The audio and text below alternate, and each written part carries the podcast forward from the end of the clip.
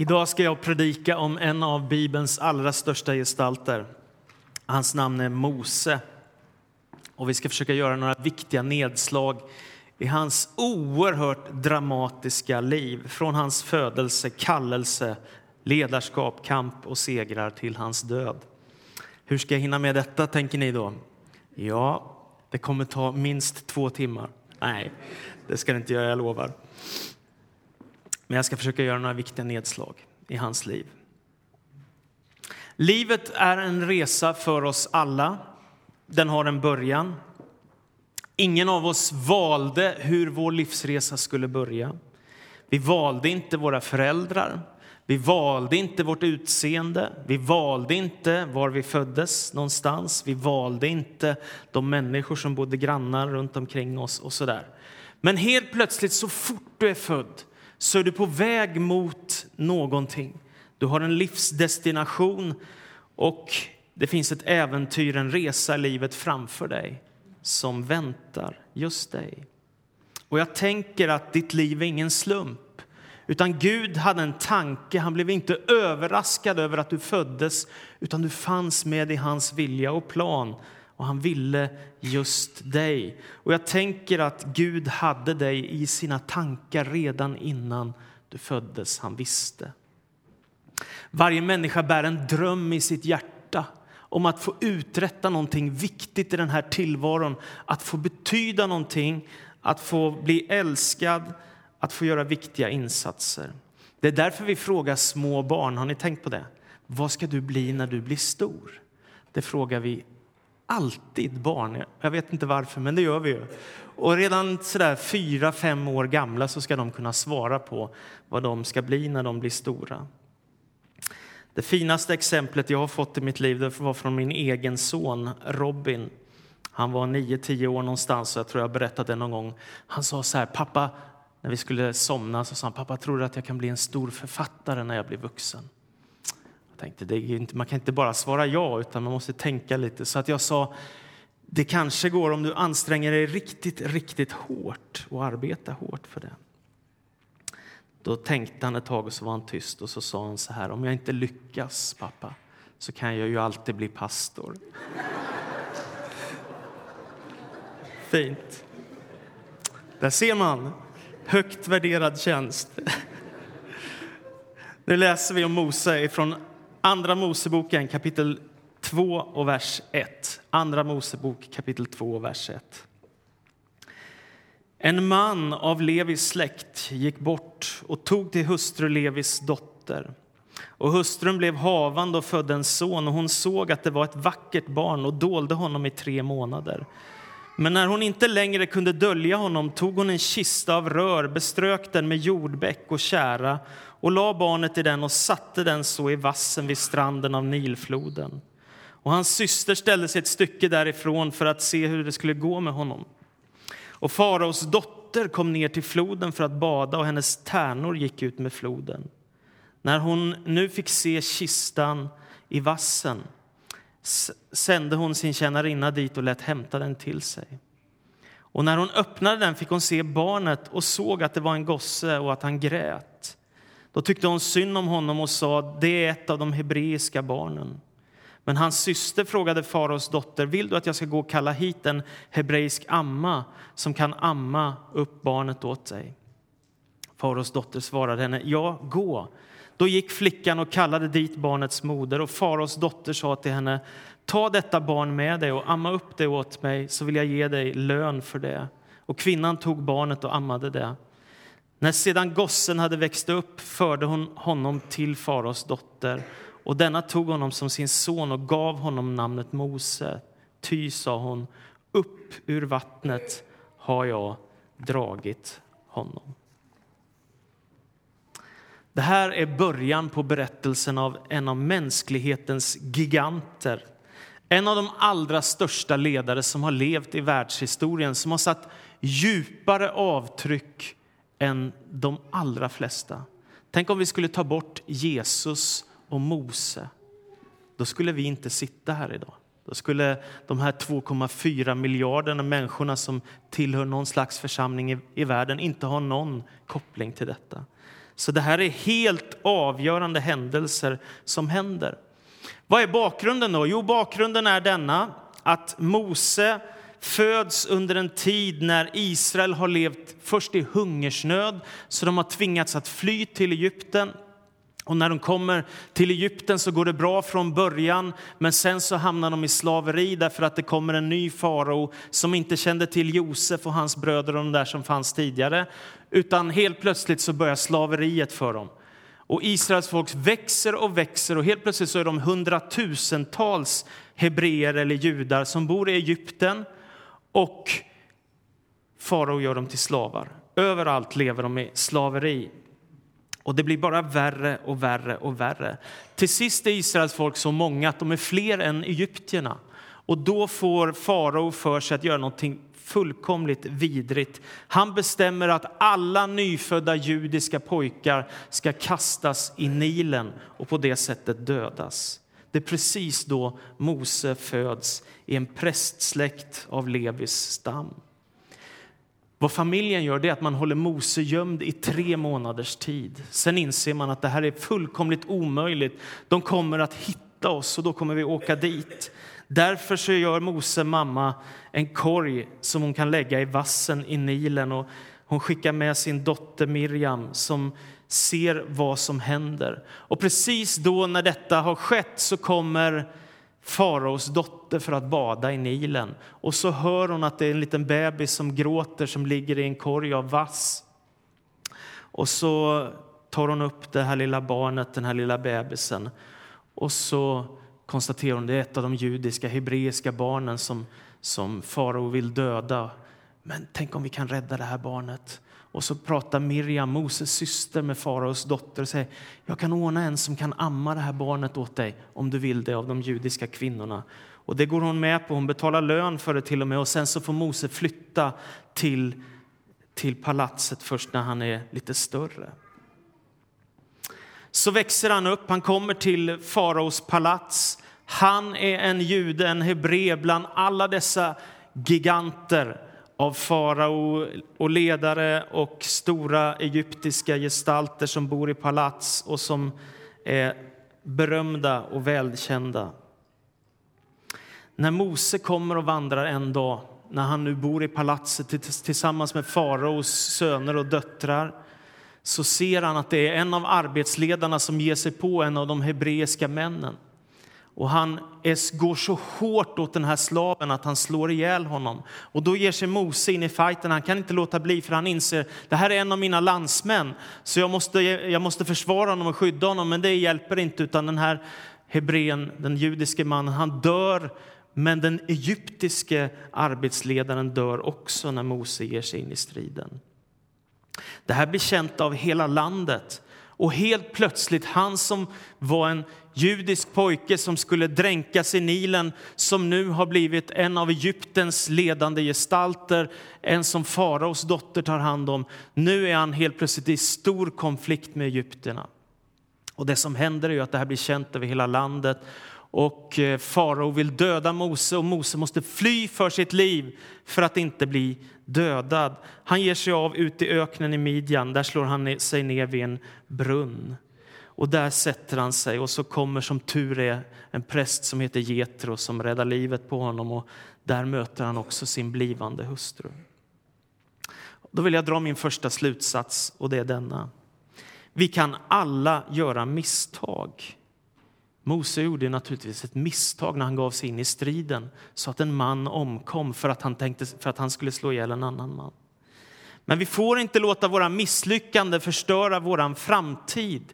Gud kan visa en väg framåt. Och jag har sett många gånger människor ha en positiv livsinriktning, en positiv väg i livet framför sig och så helt plötsligt så är det någonting som går fel och så låter man det ta sönder ens liv.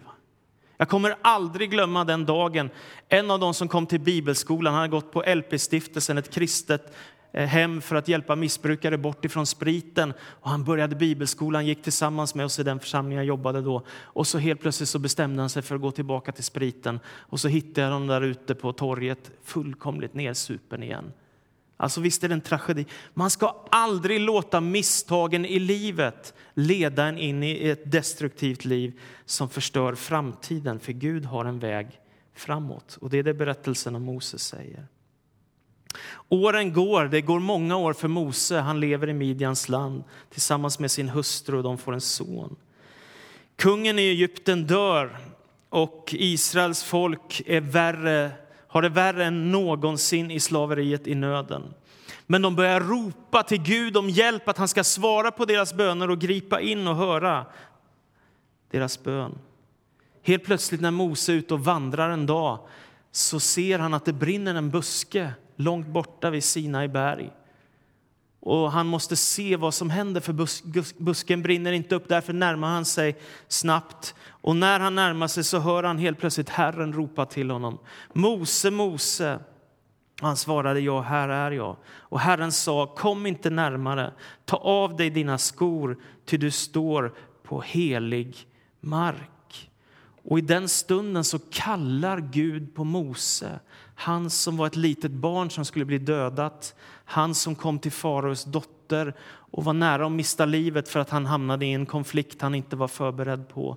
Som nu har levt i öken i stor enkelhet. Helt plötsligt så kallar Gud på Mose och säger jag ska sända dig till farao. Och du ska gå till farao och säga släpp mitt folk. Visst är det någonting, ja, visst är det otroligt. Va? Och Mose han säger, jag kan inte tala. Farao kommer inte lyssna på mig. Han har mängder med ursäkter och det slutar med att han säger, Herre, sänd bud med någon annan.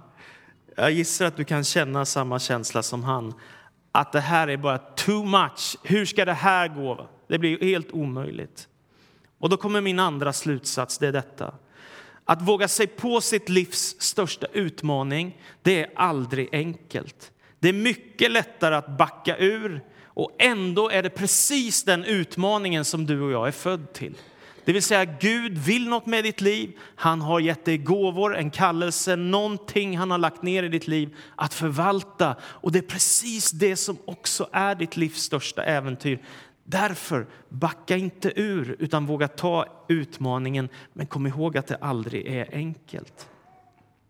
Mose ger med sig, han går till farao, så står han där tillsammans med sin bror Aron, för han har tjatat på Gud, jag vill inte gå själv.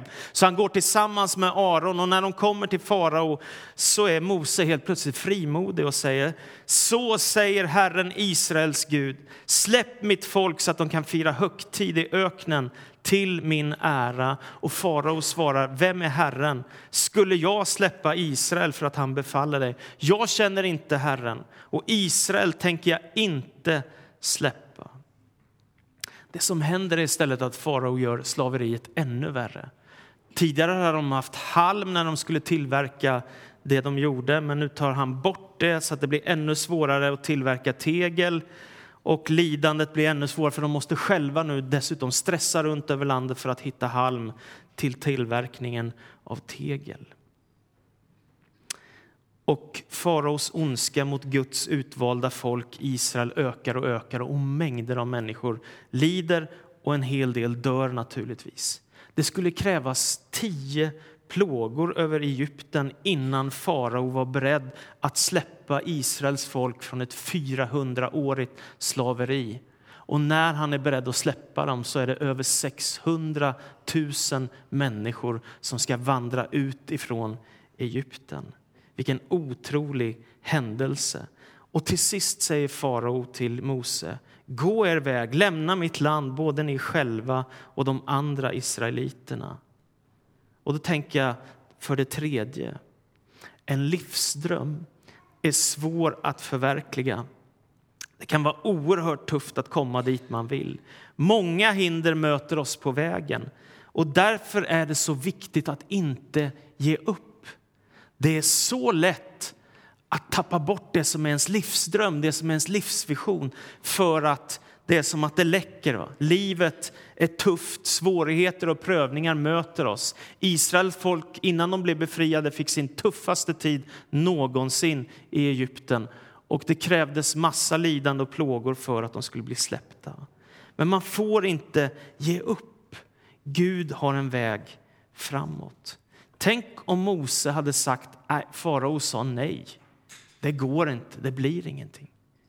Då hade Israels folk kanske levt i slaveri under många århundraden till. Men Mose ger sig inte, utan han kämpar och till sist så segrar han.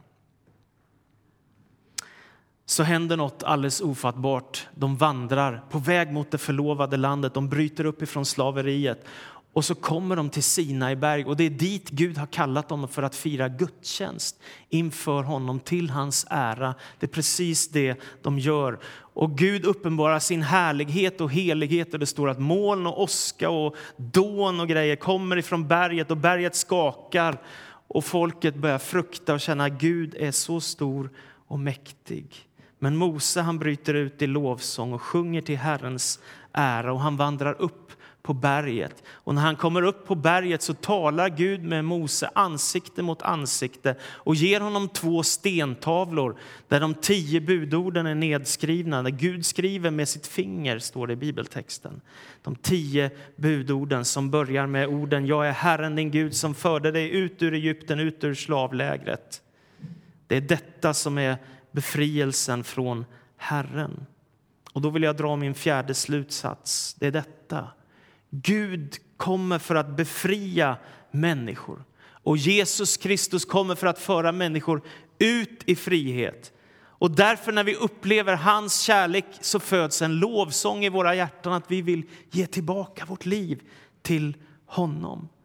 Många människor i vår tid i Sverige, i vårt samhälle, tänker att kristen tro det är religiositet och att bli bunden, att bli insnärd i något inkrökt sammanhang av religiösa människor som är väldigt konstiga och märkliga. Och det är egentligen precis tvärtom. Jesus säger jag har kommit för att ge er glädje, glädje till de fattiga, syn till de blinda, befrielse för de fångna. Det är frihet, glädje som är den kristna trons kärna. Jesus för människor ut i frihet. Så händer någonting fruktansvärt på vandringen för Mose. Och det är att när han är uppe på berget så hör han att de börjar liksom låta där nere i dalen nedanför berget. Och han tänker att de sjunger väl kanske till Guds ära eller någonting. När han kommer ner så ser han vad som har hänt och det är att folket har tyckt att Mose, den där andlige gestalten, han är för länge uppe på det här berget, vi orkar inte vänta. Så Aron gör oss en guldkarv, en sån där vi har sett i Egypten, en, en gud som kan gå framför oss här i öknen. Och det gör de. Och de dansar och de sjunger och gläder sig. De har gjort en avgud. Och när Mose får se detta så är det en sån djup smärta i hans liv. Så han tar stentavlorna han har fått ifrån Gud och kastar i backen så att de går sönder. Och budskapet är förbundet med Gud är brutet. Ni är utan hopp. Det är liksom det som är själva slutsatsen. Där står de med en guldkalv. Mose tar sönder guldkalven och gör den till spillror, häller ut den i vatten. Förbundet med Gud är brutet. Men det är då som man kan fundera på vad gör man med sitt liv? Jo, det femte. När du har upplevt ditt livs viktigaste stund eller när vi har upplevt vårt livs viktigaste stunder, då kommer det ofta stora bakslag. Har du märkt det? Och då är det så lätt att tappa modet och känna det går inte, jag kan inte, det är omöjligt. Tänk då på att Gud kan hjälpa dig, att han kan ge dig kraft i den situation som du är. Jag tycker det är märkligt att så ofta när man är med om något fantastiskt så bara någon dag senare så då är det som jobbigast i livet.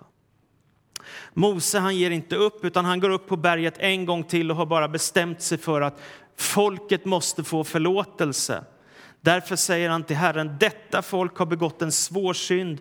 De har gjort sig en gud av guld. Om du ändå ville förlåta deras synd om du inte gör det så utplåna mitt namn ur den bok som du skriver i. Alltså, Mose, han tänker, Gud om du inte förbarmar dig över ditt folk nu, då är den här, allt det här som du har förberett och tänkt, det är ju hopplöst, det är meningslöst, vi har gjort allt i onödan. Så förlåt ditt folk deras synd, annars får du utplåna mitt namn ur den bok som du skriver på i himlen. Och Gud hör Mosebön, och han förbarmar sig över folket, han förlåter dem deras synd och förbundet med Gud återupprättas. Och så fortsätter folket i vandringen. Och så är de vid berget. Och när de är vid berget, Sinai berg, så händer någonting mer. Och det är att Gud talar till Mose en gång till, bland annat den här gången.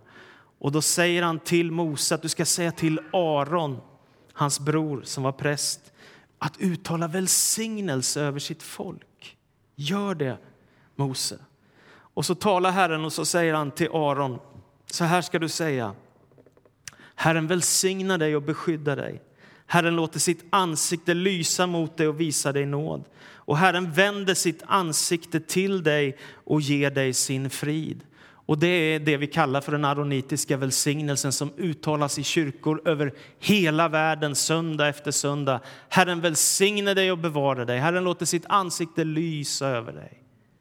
Det hände vid berget för att Gud sa till Mose, välsigna folket, de behöver min godhet och kärlek över sina liv. Jag tänker på en av de här gamla sångerna. Och när andra du välsignar, gå ej mig förbi. Livet är en resa som inte är bara enkel. Det går liksom upp och ner, fram och tillbaka, hit och dit. Och två steg framåt och ett tillbaka, tre steg framåt och två tillbaka. Det är en kamp för oss alla. När du välsignar, gå ej mig förbi. Och jag tänker på Kajsa Hane som hon var nästan uppåt 95 år tror jag gammal, en av våra medlemmar som flyttade hem till Herren här för, jag tror det var förra året. Det sista hon sa till mig när vi var där vid hennes dödsbädd, det var Gud har varit så innerligt god emot mig. Gud har varit så innerligt god mot mig. Vilken bekännelse att få säga i slutet på sitt liv så är det dags för Israels folk att bryta upp ifrån platsen där de har varit under en tid vid berget Sinai berg. Och det de då gör är att de börjar vandra tillsammans, men de är ganska många. De är hundratusentals människor som ska ta sig mot det förlovade landet som Gud har sagt att de ska få komma in i. Och då bestämmer sig folket för att vi ska skicka iväg tolv spejare. Och de tolv spejarna ska se hur landet ser ut och hur folket är där dit de kommer och hur det verkar, om vi, vilken väg vi ska ta och hur vi ska gå och så vidare. Det gör man. Från Paran så skickar man iväg tolv stycken. Två av dem är hjältar, de heter Josua och Kaleb. Tio av dem är lite veklingar får man väl säga. För de kommer tillbaka efter 40 dagar och säger det är helt omöjligt de här tio. Det går aldrig. Det är tvärkört. När vi såg folket där borta så tyckte vi som om att de var liksom jättar och vi var som gräshoppor. Men så kommer Kaleb och Josua och de säger nej, det, inte, det, stämmer inte alls. Det var inte alls omöjligt. Det är absolut möjligt. Gud har ju lovat oss att vi ska få gå in i detta land och vi såg hur härligt landet såg ut och allt såg så positivt. Vi kommer klara detta, vi kommer segra. Men folket lyssnar på de tio spejarna och inte på de två som var fyllda av tro, Kaleb och Josua. Och det som händer är att folket börjar gråta. Och de gråter hela natten igenom. Och detta är en förödande dag för Israels folk, för man bestämmer sig att inte gå i tro på det som Gud har lovat, utan istället hålla tillbaka och vänta och se vad som ska hända. Vad händer? Detta är början på en ökenvandring som ska bli oerhört lång, helt i onödan, när de ganska snabbt kunde ha tagit sig in i det förlovade landet om de bara hade lyssnat på Kaleb och Josua som hade tro i sina hjärtan att Gud faktiskt hade möjlighet att hjälpa dem igenom de här tuffa utmaningarna. Och då vill jag dra min sjätte slutsats och det är detta. Vid stora beslut ska man inte ha för bråttom. Det kan räcka med ett felbeslut för att misslyckas. Och det är viktigt också som ledare eller som ansvarig för saker att inte dra ner modet på andra människor. Har du märkt det? Det räcker att en person ställer sig upp i en samling och säger nej, det tycker inte jag alls. Så liksom, uh. Eller man sitter i ett sammanträde och alla säger yes, nu kör vi. Och så säger någon absolut inte, det tycker jag är helt fel. Så, uh. Och jag menar inte att man inte får olika uppfattningar eller inte säga ifrån när man tycker något är fel. Det är inte det jag menar. Men man kan ibland dra ner modet på andra människor just när de behöver liksom spänna bågen och göra sitt livs stora insats. Och istället så brakar det ihop för dem. Och det är viktigt att inte dra ner modet på andra människor och försöka vara klok när man ska fatta beslut. Så mot avslutningen nu då. I femte Mosebok så talar Mose en gång till om de tio budorden och han repeterar dem i kapitel 5 i femte Mosebok. Och när han sedan ska lära Israel det allra viktigaste av allt så ska han sammanfatta det i det sjätte kapitlet i femte Mosebok. Och då säger Mose, detta Israel måste du lära dig. Hör Israel, Herren är vår Gud, Herren är en och du ska älska Herren din Gud av hela ditt hjärta, med hela din själ och med all din kraft. Och dessa ord som jag idag ger dig skall du lägga på ditt hjärta. Och Jesus får frågan vad är viktigast av allt och sen det är just detta. Du ska älska Herren din Gud av hela ditt hjärta, hela din själ, hela din kraft, hela ditt förstånd. Detta är det viktigaste av allt. Jag tycker det är fantastiskt. Va?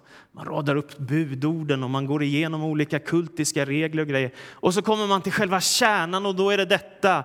Älska Herren din Gud av hela ditt hjärta, hela din själ, hela din kraft. I detta sammanfattas hela Gamla testamentets lag. Här är centrum och kärnan för allting. Och detta är Israels trosbekännelse. Det finns bara en enda Gud och honom ska du älska av hela ditt hjärta, hela din själ, hela din kraft. Till sist, Mose lyckas inte fullborda det som Gud har kallat honom till. Han gör inte det. Utan Mose Han ställer folket inför ett viktigt val. Han, säger, han talar om välsignelse och förbannelse. Att välja ett välsignat liv och inte ett förbannat liv. Och då säger han, jag tar idag himmel och jord till vittne på att jag har ställt dig inför liv och död, välsignelse och förbannelse. Så välj livet, säger han. Och när han har sagt det så inser han att allt det som har hänt, som har gått sönder, som har gjort att jag inte kan fullborda det som Gud har tänkt, gör att jag inte får vandra in i det förlovade landet. Vad får han göra istället? Jo, han får gå upp på berget Nebo i Moabs land. Där, där går han upp på berget och så sjunger han sånger, han uttalar välsignelse och sen så lämnar han över stafett, stafettpinnen till Josua. Nu är det din tur att ta ledarskap, ta ansvar och springa vidare med folket mot det förlovade landet. Sen ger han sig upp på berget Nebo. Där ger Gud honom möjlighet att se hela det förlovade landet. Och när han har sett det så står det så går han hem till sina fäder. Han dör, hans liv är slut. Han ser förlovade landet, får aldrig gå in i det. Men istället när han dör så tänker jag får han gå in i evighetens värld. Och han kommer hem till Gud som har skapat allt som en gång kallade honom, som hjälpte Mose att våga gå till fara och utmana en av de mäktigaste nationerna som fanns för att säga så säger Herren och befria sitt folk ur slaveriet, vandra med dem ut till Sinai berg där får budorden och sedan gå mot det förlovade landet. Det gör Mose. Och så står det, min sjunde slutsats, den har jag lånat av min pastorskollega i Uppsala, Dan Salomonsson. Han säger det som är värt att ge sitt liv för, det tar hela livet att förverkliga. Och så finns det en man som har levt tillsammans med, Josu, äh, med Mose under många, många år. Sett på hans ledarskap, sett på hans sätt att liksom våga och ta ställning och våga vara ledare. Och så har Mose skickat facklan vidare till honom och Josua säger till folket nu är det dags för oss att dra vidare. Och Gud talar till Josua och säger var tapper och stark, låt dig inte skrämmas, bli inte förskräckt. Herren din Gud är med dig. Och så ger sig Josua av på en vandring mot det förlovade landet. Och vad får han göra? Han vandrar över Jordan och får med sig 600 000 människor in i det förlovade landet. Och de segrar. Och det som Gud har tänkt med Mose liv, det fullbordas genom att han lämnar över facklan till en Josua som i nästa generation ser till att det händer som Gud hade förberett. Det var mycket kamp, men till sist så blev det seger. Amen. Så ber vi Jesus Kristus att du ska vara med oss var och en i vårt vardagsliv. Du ser kamp, du ser glädje, du ser framgång och motgång, du ser strid och segrar. Du vet hur vi har det var och en i vårt liv, Herre.